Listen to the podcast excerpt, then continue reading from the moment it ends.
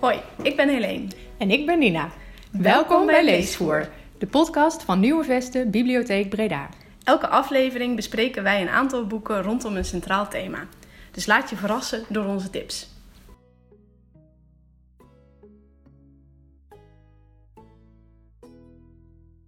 Hallo, leuk dat je weer luistert naar de podcast Leesvoer Nieuwe Vesten. Mijn naam is Nina van de Bibliotheek Nieuwe Vesten in Breda. Helene is op dit moment met vakantie. Vandaar dat ik hier ben met Ralf, de collectiespecialist van Nieuwe Vesten. Welkom. En met Michiel de Vlieger, onze eerste gast in deze podcastserie. Dus Michiel, leuk dat je er bent. Welkom. Nou ja, we zijn eigenlijk met elkaar in contact gekomen dankzij deze podcast ook. Hè. En even voor de luisteraars. Michiel is schrijver, woonachtig in Breda. En hij komt vandaag praten over zijn debuutroman, De Muur van Bretagne. En het is een boek over vriendschap, familie en vertrouwen. En op social media ben je ook bekend eigenlijk als de vliegende schrijver. Hè? Dus dat de schrijvende vlieger, ja. De schrijvende vlieger, oh, de vlieger. Nou, Ralf heeft het boek gelezen en die gaat dus met jou ook, uh, daarover in gesprek. Ja, jij bent ook wat meer begaan uh, met het onderwerp. Hè? Het gaat onder andere over wielrennen. Ja. Uh, ook wel over andere onderwerpen natuurlijk, maar die komen vast ook aan bod. Nou ja, beide volgen ook de Tour de France natuurlijk, dus dat zal ook nog aan bod komen. En na afloop is er misschien nog uh, uh, tijd voor onze aansluitende boekentips. Moeten we even kijken. Die dus ook onder het thema reisverhalen vallen. Nou ja, dan geef ik nu het woord aan Ralf. Dankjewel. Muur van Bretagne, iconische klim natuurlijk. Afgelopen zondag met Jeu van der Poel ook gezien, twee keer uh, eroverheen. Ik heb behoorlijk staan juichen voor de tv, ik ook. Je zeggen. Ja, dat was wel ook vanwege de samenloop hoor. Uh, ja. Misschien wel een beetje extra, omdat... Wat uh, dacht je toen hij voor de eerste keer ging? Ik dacht, uh, gaat hij nu al? En ik moest even nadenken waarom hij dat deed. Uh, maar later werd het duidelijk dat hij dat voor de bonificatieseconde deed. Hij wilde echt geel pakken. Had je het verhaal gehoord van Pogacar morgens? Ja. Dat ja. hij daar zo... eh, Zullen we aanvallen de eerste keer? Dat ga, Pogacar. ga je mee? Gek man. en je zag ze ook een beetje kijken. Hij gaat echt. Ja. En, uh, maar ik dacht ook, ja, kan hij dat nog een keer straks? En ja, het is wel een beetje veldrijden, dat, uh, dat is je wel gewend om... Uh... Nou ja, hij had een kilometer of tien om te herstellen. Ja, dat is genoeg voor hem. Voor hem is dat genoeg. Maar ja, de beste man die rijdt ook gewoon een tijdrit zonder ooit uh, Niet in een windtunnel te hebben gezeten. Niet, dat ze nog 900 kilometer rijden om wielen voor hem te halen en zijn stuur. Dat hij echt als enige s'nachts nog bezig was met zijn tijdritfiets in elkaar zetten. Ja, ja prachtig. Hij flikt het gewoon, ja. Het is een fenomeen wat dat betreft. En jij fietst zelf ook? Ik fiets heel graag, ja. ja. ja. Ook in Bretagne? Nou ja, daar is eigenlijk het idee ontstaan, hè. Uh, dat is niet voor niks dat natuurlijk. bruggetje naar het boek. Ja. ik uh, ben denk ik in 2015 voor het eerst uh, um, de muur van Bretagne opgefietst. Yeah. Toen samen met mijn zwager. En ik denk dat ik 2018 nog een keer heb gedaan. En toen was ik eigenlijk al bezig met het boek. Um, 2018, de tour zit ook in het boek. Zonder echt heel veel weg te geven over... Ja, nee, dat klopt. In 2018 is de Tour er overheen gegaan. Ja. In 2011 en dus dit jaar. In 2018 was die etappe dat Dumoulin lek reed en aan de verkeerde kant van de weg stond. Ja, te exact. Ja. exact. Ja.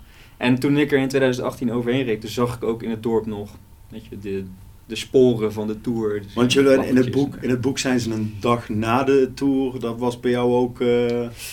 Um, nou, ik ben erna geweest, want inderdaad, de, de, ik moet even graven in mijn geheugen, maar ik denk dat dat erna is geweest, want inderdaad, alle sporen waren er nog. Dus dat betekent, uh, of, nee, nou zeg ik het verkeerd.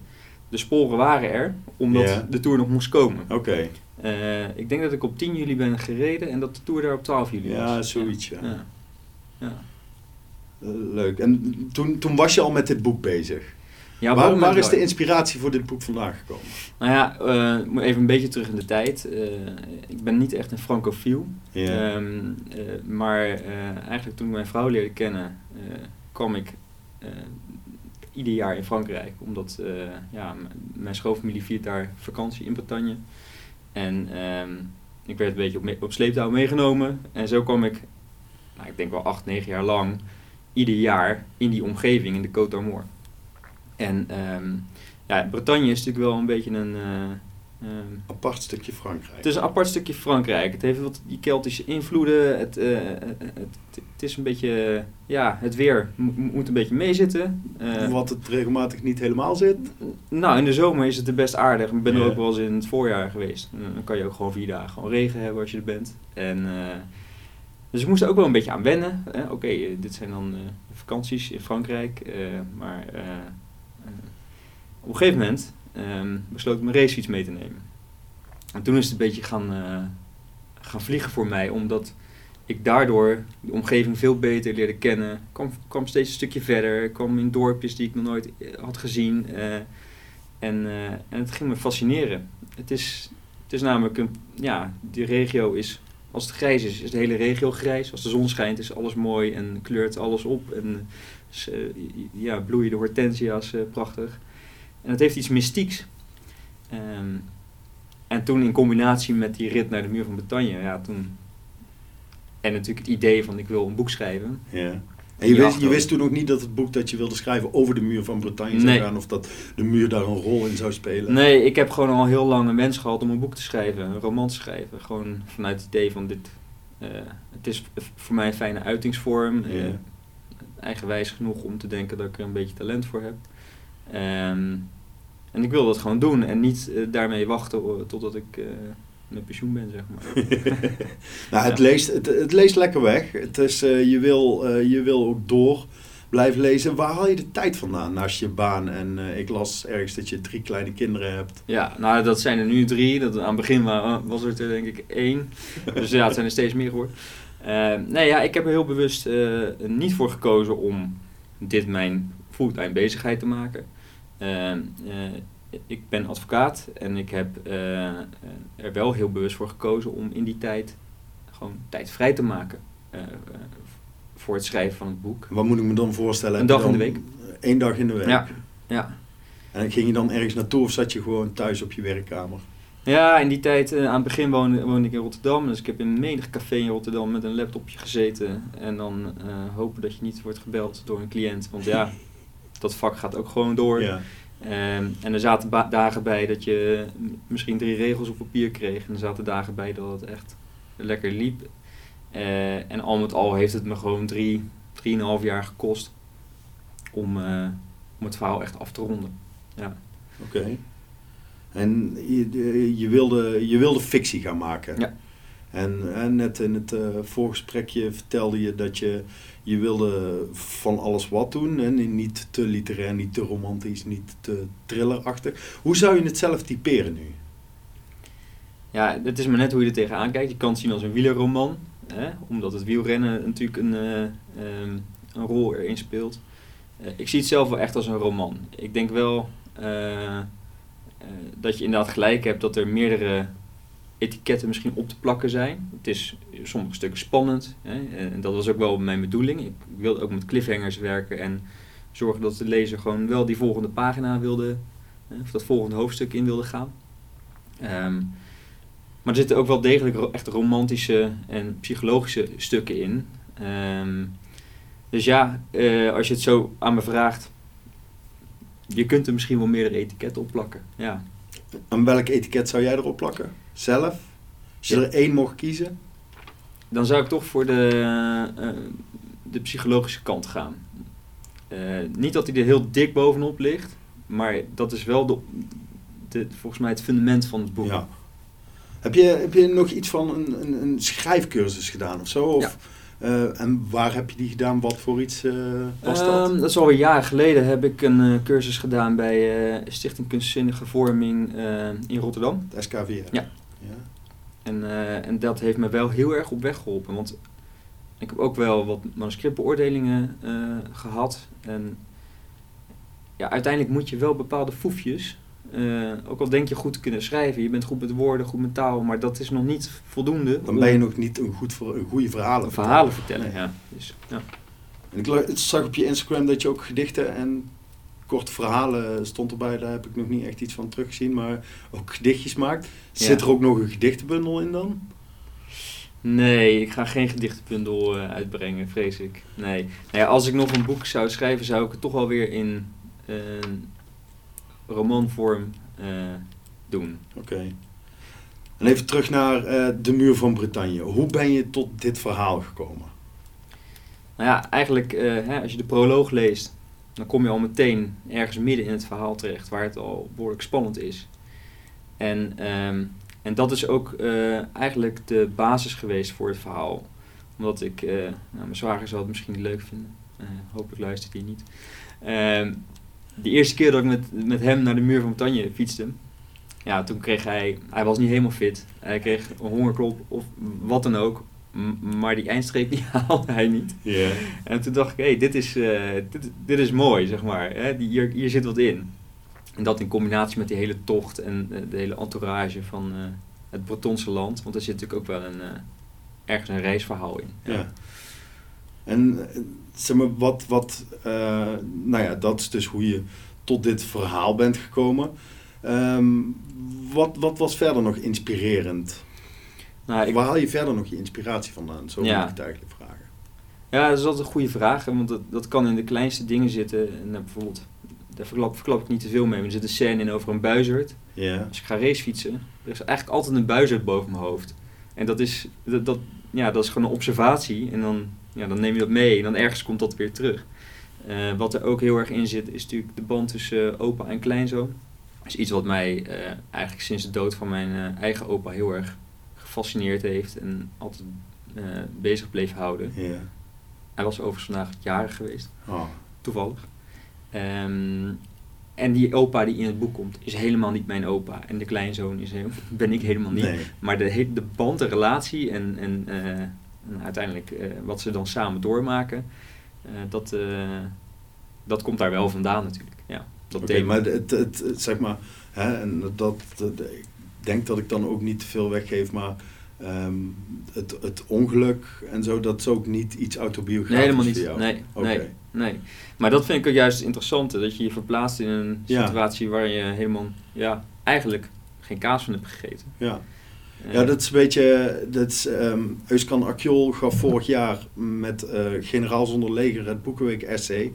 Vertelde hij dat de Nederlandse literatuur vrij snel aan het verworden is tot eh, een beetje navelstaren en vooral over je eigen eh, lactose-intolerantie, noemde hij het geloof ik, praten. Ja, Dus het is inderdaad wel interessant dat er ook schrijvers zijn die buiten zichzelf proberen te zijn en echt een verhaal los van zichzelf ja. proberen te maken. Maar ik zag een aantal passages in eh, tussen David als vader en Daantje als zoon. Dat ik dacht, ja, maar daar, daar heb je wel wat geput uit je eigen leven, nee, denk dat, ik. Ja, eh. dat, dat mag je dan ook wel zo zeggen. Dat mag je wel, ja. ja. Eh, er, za- er zaten, ik ga je dadelijk vragen of je een stukje wil voorlezen. Ehm, er zaten een aantal interessante medisch-ethische kwesties in. Waarom heb je gekozen om die te behandelen? Ehm, nou, allereerst wilde ik dat het hoofdpersoon niet mijn beroep zou hebben. Ja. Eh, juist om het verhaal wat meer op afstand van mezelf eh, te zetten. Maar er zit wel een Er advocaat zit in. een advocaat in. Ja, dus weet je, dat, die associaties, die, daar kom je niet helemaal los van. Eh, dat is ook niet erg.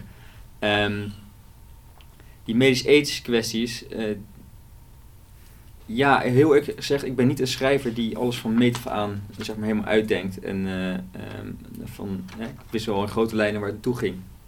Maar er zijn ook wel zijstapjes ontstaan. En die, ja, de, de, de laatste medisch-ethische kwestie, maar daar moeten we het misschien niet te veel over Nee, hebben, nee, want we nee. gaan wel wat te, te veel verklappen. Die zat wel echt in het eh, verhaal, omdat dat ook een, ehm, ja, een onderdeel is van het plot. Ja.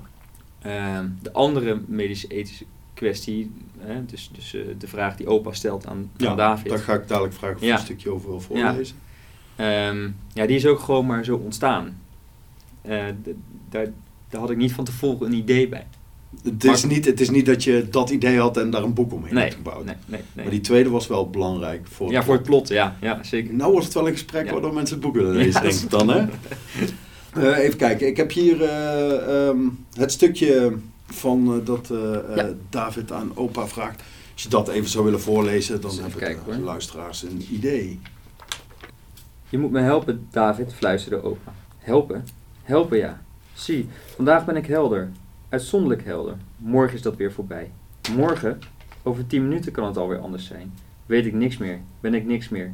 Ja, een verwarde, dodende ziel in een bejaard lichaam. Dan ben ik zo goed als dood. Dat weet ik, zuchtte David. En dat doet me verdriet. Dat weet je, veel verdriet. Wat kan ik eraan doen? Die ziekte is ongeneeslijk, klopt, maar ook onvoorspelbaar. En dat is precies het probleem. Want dan ineens ben ik helder als gezuiverd water. Ik zie alles scherp, zoals vroeger. Net zoals nu. Dan kijk ik om me heen en besef ik waar ik mijn laatste dagen aan het slijten ben. Opgesloten in een gebouw waar treurnis en eenzaamheid van de muren druipt. Omringd door wandelende lijken. En dan, dan wil ik niet meer. David voelde tranen opwellen. Eentje ontsnapte al uit zijn ooghoek en kroop over zijn wang. Een opvallend krachtige hand pakte hem bij zijn nek. Opa drukte hun voorhoofden tegen elkaar. Je mag verdriet hebben, zei hij. Zo zacht dat hij bijna niet verstaanbaar was. Maar laat je niet verblinden door wat is geweest. Het wordt nooit meer zoals vroeger, nooit meer. Wat wil je dan dat ik doe? vroeg David. Hij snikte en wreef met zijn handpalm de traan van zijn gezicht. Ik haat mezelf dat ik je dit durf voor te leggen. Opa liet zijn handen zakken om ze in die van David te vouwen. Hij sloeg zijn ogen neer, als een angstige scholier die de zoveelste onvoldoende aan zijn ouders moest opbiechten. Je bent de enige die me kan helpen. Ik ben zo stom geweest dat ik nooit zo'n verklaring heb ondertekend. En nu is het te laat. Wereldsombekwaam noemen ze dat. Kun je het ze kwalijk nemen? Komt er kort en wel op neer dat die verdomde ziekte me zelfs de regie ontneemt over mijn eigen einde. De tijd is rijp. Wat moet ik nu? Glazig uit het raam kijken en wachten tot mijn hart ermee stopt? Zonder dat opa de vraag stelde, begreep David wat opa van hem vroeg. Dankjewel. Ja, het is een eh, ingewikkelde vraag voor een kleinzoon, Ja, lijkt me. Ehm, even over eh, het uitgeefproces. Je hebt het boek uitgegeven bij eh Boekscout. Hoe ben je daar terecht gekomen? Ja, dat is een goede vraag. Eh, kijk, Boekscout is iets minder traditionele uitgeverij. Hè? Dus die, ja, die bieden echt een podium voor wat onbekendere schrijvers. Mijn ervaring met de meer traditionele uitgeverij is dat het ook wel allemaal wat lang duurt. Ook nog wel lastig is om ertussen te komen. Heb je het wel opgestuurd? Ik heb het wel opgestuurd. Ik moet wel erbij zeggen dat ik meerdere pogingen nog had kunnen wagen. Ehm, maar voor mij was het boek af. Ik wilde het heel graag uitgeven. En ik wist ondertussen ook dat Muur de Bretagne in de Tour de France zou komen. Dus de tijd begon voor mij ook te dringen. Eh, en toen heb ik ervoor gekozen, eh, hè, toen ik eh, met Boekscout in, in aanraking kwam, ja, werd me al heel snel duidelijk dat ze gewoon wel snel kunnen acteren. Hè? Dus dat, ze kunnen heel snel een boek op de markt brengen. En dat is bij andere uitgeverijen toch wel wat een trager proces. Ehm, ik denk dat hier ook aan de vraag aan gekoppeld eh, zit van eh, hoe, hoe is het nou bevallen. Mhm. Eh, moet je eerlijk bekennen dat ik best wel nieuw was in die markt. Hè? Van hoe zit het nou eigenlijk met uitgeverijen? Wat voor type uitgeverij heb je? Wat voor ondersteuning mag je verwachten? En dat is me in bepaalde mate wel wat tegengevallen. In de zin dat de redactionele en promotionele ondersteuning, ehm, ehm, ja, de- die is beperkt. Eh, dus er komt wel veel op jezelf aan. Ja. Eh, en dat is ergens eh, ook wel heel leuk, want eh, daardoor, hè, bijvoorbeeld boekpromotie, doe ik zelf heel veel aan. Stop ik heel veel tijd in. Niet om er geld aan te verdienen, want dat, Maar gewoon omdat het leuk is. maar omdat het leuk is. Ja. En, en, en dat is ook wel de waarde, vind ik, van het hele proces voor mij, zeg maar. Het is, het is een enorme persoonlijke ontwikkeling. eh, ook in, nou ja, bijvoorbeeld dit soort dingen. Ga maar eens een verhaal vertellen over Ja. je eigen boek bij een podcast. Of eh, doe eens een interview voor een krant. Of, eh, en benader mensen. En ja, en, ja dat, dat is me dan weer, ja, dat, dat is dan weer de positieve kant van het verhaal. Daar heb ik heel veel van geleerd. Nou, je kunt bijna zelf een uitgeverij beginnen. Je weet hoe de promotionele dingen werken. Nou ja, de marketing die, die heb ik wel een beetje in de vingers, ja. Zit er, zit er nog een volgend boek in? Ehm, ja, in mijn hoofd zit zeker een volgend boek. Gaat dat weer over wielrennen? Dat gaat denk ik niet over wielrennen. Ik, ik durf zelfs te zeggen dat dat ehm, ofwel een, een meer familieverhaal eh, gaat worden, of een meer autobiografisch. eh, ja, ga ik toch over jezelf schrijven, wat je net zei. maar dat, dat zit er nog wel in. Ehm, maar de eerlijkheid gebied te zeggen dat dat niet op hele korte termijn gaat gebeuren. Niet op hele korte termijn? Je bent er voorlopig wel even klaar mee? Nou, het kost gewoon heel veel tijd. En eh, ik vind mijn, eh, mijn werk als advocaat gewoon ook echt te leuk om dat eh, los te laten. En dat kost ook heel veel tijd. En mijn gezin kost ook heel veel tijd. Dus, en mijn ervaring is wel, je moet die tijd wel vrijmaken. Want anders heb je de energie niet en de inspiratie. Zonder energie komt ook geen inspiratie en dan, dan wordt het niks. Ehm, dus als de tijd rijp is en ik, eh, ik heb weer wat vrijheid in mijn hoofd, maar ook in mijn agenda, eh, dan, eh, dan ga ik er zeker aan beginnen. Ja. Oké, en het, het fietsen levert natuurlijk uitgebreide tijd op om Ja, na te denken over wat je wil gaan schrijven. over, ja. En, ja. Nou, maar dat vind ik oprecht. Hè? Dus als ik op de fiets zit, ja, dan het is het is niet alleen voor mij niet alleen hoofd vrijmaken, maar er komt ook ineens heel veel voorbij in mijn hoofd wat Maar dat anders kan niet als je voorbij hoofd vrij is. Ja, misschien is dat wel de combinatie. Ja. Ja. Ja. Ah, lekker. Dus, eh, Ja, ik, eh, ik eh, ben benieuwd naar je volgend boek en eh dankjewel voor dit gesprek. nou, hartelijk dank voor de uitnodiging. Ik vond het hartstikke leuk. En eh, ik hoop de luisteraars ook. Ja, ik ja, ook. nou, ik ook. Dank jullie wel in ieder geval voor, eh, voor het gesprek. Eh, en ik ben zelf ook heel benieuwd geworden, nieuwsgierig geworden ook naar het boek. Ik had het zelf dus nog niet gelezen, maar ik denk dat het ook dus zeker interessant is voor mensen die misschien per se in wielrennen geïnteresseerd zijn, maar het is Nee, nee, het is, zeker, het is zeker niet een boek dat eh, eh, alleen interessant is voor mensen die in wielrennen geïnteresseerd zijn. Ja, Dat, eh, hè, toen je mij vroeg, toen de muur van Bretagne, toen dacht ik, hé, dat is een leuk klimmetje. Dus dat Ja. wist ik al wel en daarom Ja. ook, eh, ook dit gesprek. Maar het is zeker niet een boek voor mensen die alleen maar van wielrennen houden of eh, Nee, daarover precies. willen lezen. nee. Oké, nou ja, goed om te weten. En ik denk ook heel leuk als tip voor de zomer. Dat denk ik ook. zomerboek. Nou ja, we hadden ook alle drie nog een aansluitende tip hè, voor de luisteraars nog, ehm, ja, die een beetje in het straatje ligt misschien. Of in ieder geval als reisverhaal of boek over een bepaald land. Michiel, zou jij die van jou eh willen Ja, zeker. Ik heb even over nagedacht eh, voordat ik hierheen kwam. En ehm, ik denk overigens dat in elk boek wel een, een soort reisverhaal in zit. Hè? Wat is een reis? Dat is, kun je natuurlijk ook eh, Ja. definiëren. Maar als het echt gaat over landen of plekken, ehm, een boek dat mij heel erg aanspreekt is New York van Edward Rutherford. Dat is eigenlijk een historische roman waarin je als lezer mee wordt genomen eh, in fictieve verhalen eh, door de geschiedenis van New York. Dus dat begint bij gouverneur Stuyvesant die Mannahatta eh, koopt van de Indianen en, en tot aan na eh, 9-11. En al die verhalen grijpen in elkaar. Dus erg knap opgeschreven, er zit veel historie in. en als je iets van New York ja, wil leren, dan zeker een aanrader. Ja. Ja, leuk. Ja, en echt eh, een dikke... ja, dat is een dikke pil. pil, ja. hè? Dat ja. Houd je de hele vakantie zoet. Ja. ja, precies. Nou, dankjewel voor de tip. Ralf? wat had Ja, ik had eh, aan de hand van de muur van Bretagne eh, de roman van Thijs Sonneveld, de Ererond van de Eland, meegenomen. Dat is wel echt een wielerboek. Ik weet niet of je hem gelezen hebt. Ik, ik ken hem van titel, ik heb hem nog niet gelezen. Hij is echt heel erg tof. Gaat over een wielrenner die in een, op een vlakke etappe in een ontsnapping of hè, eh, zelf demareert en ineens zit hij alleen en weet hij niet meer wat hij moet doen. Hij weet dat achter hem een peloton op hem aan het jagen is. En ja, wat, wat, wat, en er gaat van alles door zijn hoofd. Over zijn ploeggenoten, over de koers waarin hij aan het fietsen is. Het is geschreven door Thijs Sonneveld. Die, eh, eh, het is een wielerjournalist. Op dit moment werkt hij vooral voor het AD. Eh, heeft ook de biografie van Thomas Dekker geschreven bijvoorbeeld. Ook erg aan te raden. Eh, maar dit is, eh, ja, dit, is, dit is een roman van zijn hand. Hij kan erg leuk schrijven. En het is zeker voor mensen die in sport zijn geïnteresseerd, is het een aanrader. Oké, dankjewel.